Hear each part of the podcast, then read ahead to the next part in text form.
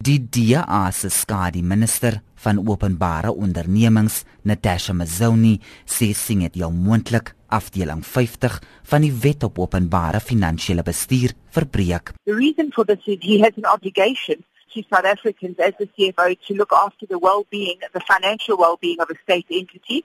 We feel that Mr. Singh had failed dismally in his role as the custodian of the money at Eskom, and uh, we feel that he has uh, shown to be clearly captured by the Gupta family after having accepted a holiday in Dubai in one of the latest Gupta leaked emails, and we are going to be laying criminal charges because we feel that he failed in his duty. Mazzone sê Singh word aan 'n aantal twyfelagtige sake, transaksies en korrupsiebeweringe by Eskom gekoppel.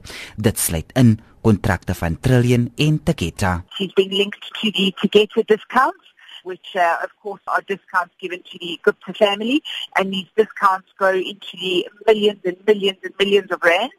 This kind of sort of dereliction of duty, it's criminal because it's the loss of South African money. So all South Africans suffer as a result. We have to pay an increased electricity tariff because of these kind of blunders. Therefore, this act is criminal because it was intentional.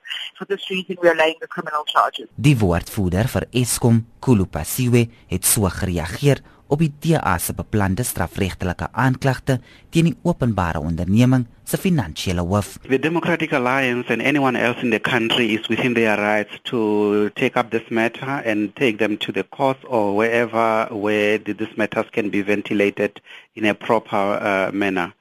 Internally within ESCOM, the management through the board are also instituting sort of an investigation, which the Minister of Public Enterprises has also indicated earlier this week that she wants Eskom to have what she calls a deep dive investigation into a number of things that are happening within this uh, organization. Dit was Khulu Phasiwe, die woordvoerder vir Eskom, Jean Esterhuizen, SAICanis.